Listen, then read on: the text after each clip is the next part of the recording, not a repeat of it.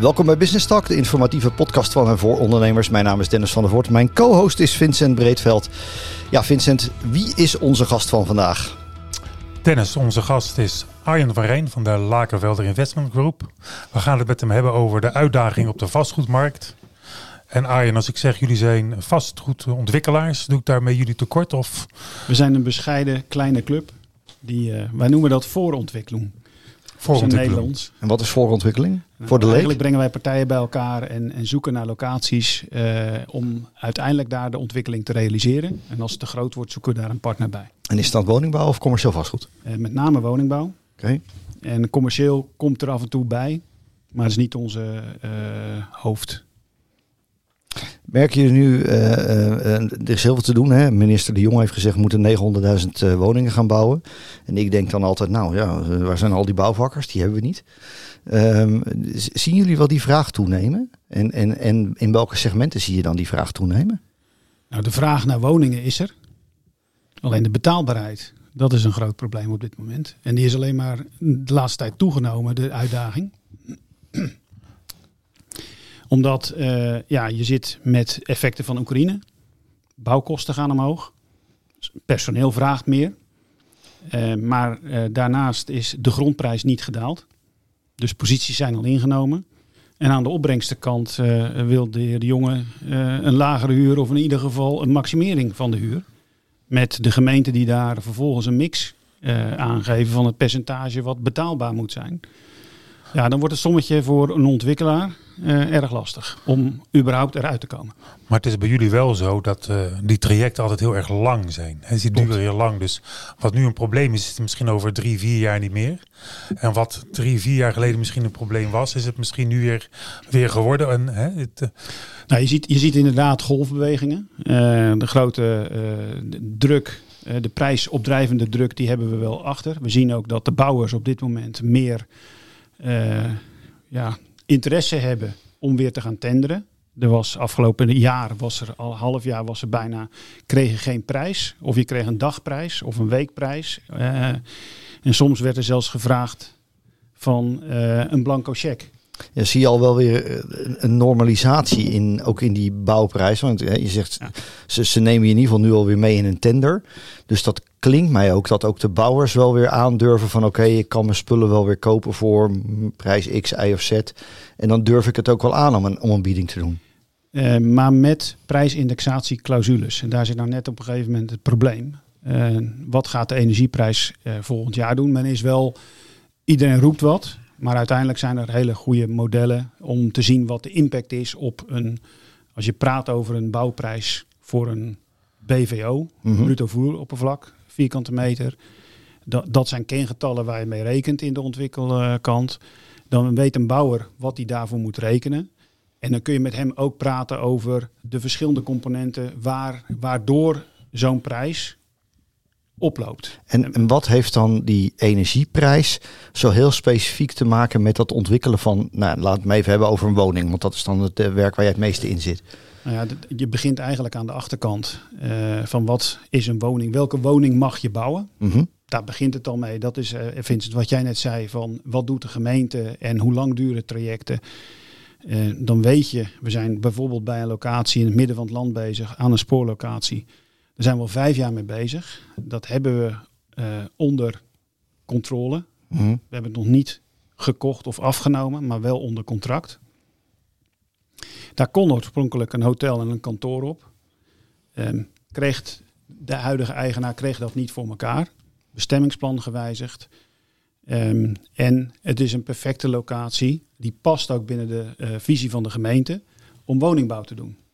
Ja, dus dan heb je het over niet grondgebonden woningen. Dus dan ga je echt de hoogte in. Ja, Moet ik me dat bij voorstellen? Stapelen, maar dan krijg je dus not in my backyard. Uh, dan word je gevraagd namens de gemeente om eerst met de omwonenden, de particip een participanten, Mhm. een, een fantastisch fenomeen tegenwoordig. Ja, ja, zeker. Iedereen meepraten. Iedereen meepraten, maar uiteindelijk moet het wel uit één zak komen. En daar bedoel ik mee dat het uh, uiteindelijk betaald moet worden. Dus wij zijn, we hebben die participatie in dit uh, traject. Het gaat om rond de 250 appartementen. En de vraag daarbij is dan welke mix. We weten dat we daar starterswoningen of sociale huur. Hè, vaak wordt dat nu anders benoemd. Mhm. Maar komt er eigenlijk zo goedkoop mogelijke huur. Ja. Nou, en dan, dan ga je dus op een gegeven moment, moet uit de lengte of de breedte, als het niet meer dan 700 euro per maand mag kosten. Ja, dan kun je uh, op een gegeven moment zeggen, wat is een woningbouwvereniging of een belegger bereid om daarvoor te betalen? Dat kun je gewoon met een nou, factor, hè, dat was in de twee jaar terug, zaten we op 25 keer. Als je je jaarhuur neemt maal uh, een factor. En dan is het pand afgeschreven voor zo'n woningbouwvereniging? Dat is, dat is, de waarde die je dan in, in vierkante meter ah, prijs okay. betaalt. Ja. Of wat je dan krijgt. Hm. Van, daar moet dan wel de btw af, want vaak lever je dan als jij uh, oplevert. En dan hou je dan een getal over. En van dat getal moet je de bouwkosten doen. Dan moet je de grondkosten doen. Dus de inkoop. En vervolgens mm -hmm. heb je daar ook het proces van adviseurs. Je zit zelf als ontwikkelaar aan tafel. En iedereen denkt dat de ontwikkelaar daar een hele dikke boterham aan overhoudt. Nou, het sommetje om dat voor elkaar te krijgen, dat maakt het uitdagend. En daarom lopen we ook met elkaar, als we nu praten over 900.000 woningen in Nederland, echt tegen een, een, een, forse uitdaging aan, omdat die balans er niet is. Maar, maar het zit hem toch ook in de hoeveelheid materiaal en werk? We hebben toch geen bouwvakkers voor 900.000 woningen? Nee, maar we, dat is over een meerjarenplan. We doen nu 60.000 woningen per jaar. We kunnen makkelijk 100.000 woningen doen. Dat, de, de, capaciteit is niet op zich het probleem. Even los van de stikstofproblematiek, want die hebben we er nu nog even bij gekregen. Ja, daar kom ik zo nog op terug. Wat me wel even integreert in dat hele verhaal van die jongen. Um, um, kijk even als je in een vliegtuig stapt en over Nederland vliegt. Er worden dus van die 900.000 worden ongeveer 600.000 woningen. Nou rond ik het even af in Zuid- en, en deels in Noord-Holland gepland. Waar we eigenlijk al heel krap in de ruimte zitten. Wat, maakt het nou zo'n, ja, in mijn beleving vreemde keuze? Want we hebben Flevoland drooggelegd om, uh, om woningen te bouwen. Nou, dat is in Almere gelukt, in Lelystad heel slecht. En in Noordoostpolder helemaal niet. Waarom, waarom dan toch al die woningen in de Randstad? Ik denk dat dat ruimte, dan, vraag je het, het, het, vraagstuk van ruimtelijke ordening. Mm -hmm. Vaak ga je kijken op een gegeven moment, daar worden gebieden aangewezen. Kijk naar Alphen, waar de, uh, ja. zo'n strijd nu is om de polder. Mm -hmm. Dat heeft iedereen op ingezet dat daar woningbouw komt. En nu is de vraag of het niet dichter bij de dorpskern kan, tegenover... Uh, Want anders zit het in het groene hart. Is dat ja, het verhaal? Er zijn, er zijn nu belangen uh, die daar tegen eigenlijk de investering van en de gemeente en de ontwikkelaars ingaan. Om, om die woningbouw daar niet op die manier te realiseren zoals men dacht dat dat goed zou zijn qua ruimtelijke ordening. En al die maar tijd komt er dus geen woning van de grond. Nou ja, dat is dus hetzelfde. Het project waar ik aan refereerde zijn we vijf jaar verder. Ik hoop dat we over twee jaar aan de slag mogen. Terwijl het een ideale locatie is, even los van welke mix daar ook gevraagd nee, wordt. Maar zijn jullie eigenlijk ook niet heel erg afhankelijk van de plaatselijke politiek dan? Enorm. Uh, dat is de, de, verhalen van een wethouder die, die mee wil werken. Maar dan heb je nog maar één of twee jaar, want daarna komt weer die politieke strijd eraan. En daarna verdwijnt hij misschien. Heb je een andere wethouder die er misschien weer anders over ja. denkt? Nou ja, je hebt, er is tweeledig. Je hebt de gemeenteraad. Die wisselt. Die heeft zijn eigen belangen. Ja. Uh, je hebt daaruit de wethouders, maar je hebt ook het ambtenarenapparaat. En uh, over het algemeen gaat op een gegeven moment de luisteren, belangen proberen te, ja, af te stemmen. En te kijken waar de meerderheid van een gemeente, dorp voor is en tegen is. Je hoeft niet met 10-0, als je 10 raadsleden hebt, hoef je niet met 10-0 te winnen. Als je met 3-7 wint, of 7-3 wint, dan, dan heb, je, ook, ook voor elkaar. heb je het ook voor elkaar. Ja, ja. Nou, en, en dan gaat het op een gegeven moment om give and take. Um, wat wordt er gevraagd? Uh, is het verkeersveiligheid? Is het groen? Is het leefbaarheid of minder parkeer? Hè? Mensen zijn en terecht, bijvoorbeeld in die ontwikkeling, uh, verkeersontwikkeling. Uh, Als jij opeens 200 woningen achter je krijgt, dan is de terechte vraag van wat doet dat met mijn leefbaarheid, komt al de verkeer door mijn straat heen. Ja, precies. Maar in wezen, Arjen, is dat bij ieder project toch eigenlijk in wezen hetzelfde? Dus je zou toch vanuit, vanuit overheidswegen of een hele grote ontwikkelaar zou toch een soort blauwdruk kunnen maken van welke boxen je allemaal eerst moet aantikken, want het is zo bijzonder. En daar wil ik even Iedere keer heen. een nieuw, een wiel op uh, nieuw ja, vinden. Dat, ja, dat, dat, dat, dat gevoel krijg je heel erg. En zeker ook omdat het zo ongelooflijk lang duurt. Ja, ik dan zou je, dan Haag, zou je eigenlijk project in Den Haag kijkt. Het is vreselijk. Nou ja, de, de, de Vijf jaar is, is, niks. Nee, dan heb je gebiedsontwikkeling. Nou, je weet zelf, we hebben samen uh, wat, wat gewerkt aan een dossier in... Uh, niet zo'n klein dossier ook. En niet zo'n klein dossier ook, 1200 woningen. Nou, ja. het, het, komt er voorlopig nog niet. Nee, bij lange na niet. En ze maken het project, en dat is ook wel grappig, vanuit de gemeente ook alleen maar groter. Dat is ook zo interessant. Nou ja, maar bij elke raadsverkiezingen verandert het weer. En dan staan er weer wat opgewonden uh, uh, mensen in de raad die, die graag een huis willen. Want mijn kind moet ook een woning. En dat is een volledig terechte vraag. Ja. En dan zijn er nog spoedzoekende partijen waar je wat mee moet. Nou ja, die, is, die druk is er natuurlijk nu weer toegenomen. Ja. Bedoel, uh, en, en, en er is niks op tegen dat we met elkaar proberen een sociaal karakter te hebben. Maar... En we willen ook nog een stukje groen. Dat ook. Ja, groen. En we willen geen auto's voor de en we willen eerst bewegen en, dan bouwen. En, uh, ja, liever niet bij mij, maar dan ergens anders. En dat maakt het dus als ontwikkelaar best lastig en lang. En dan moet je het geluk hebben dat je nog geen positie hebt ingenomen waar de renteteller loopt. En dan krijg je nog zo'n uitspraak van de Raad van State. Ja. Over de stikstofperikelen, zullen we het maar even noemen. Want wat gebeurt er bij jou dan op kantoor op het moment dat je zo'n bericht voorbij ziet komen? Van daar gaan we weer? Is nou, je moet er mee werken, want het was al eerder bekend. Hè. Mhm. we, we, hebben in de aanvragen ook de experts gehad die het aantal vrachtwagentjes moeten tellen. tellen uh, precies, bewegingen en, en daar zijn dan modellen voor. Um, maar ik denk dat je met elkaar moet zeggen van daar, als je bouwproject hebt dicht bij natuurgebieden, dan vind ik dat de discussie over moet je daar dan bouwen een terechte. Ja. Maar als je dan hartje stad bent, Zoals met de Tweede Kamer bedoel je dat uh, ja, bijvoorbeeld? Vind, nou ja, dat is drie kilometer van Mijndel, uh, Vincent. Dat, de vraag, ja, daar kun je over discussiëren. Maar er ligt de A44 of de N44 tussen. En je zit midden in de stad. De, de, midden in de stad, waar hebben we het over? Ja.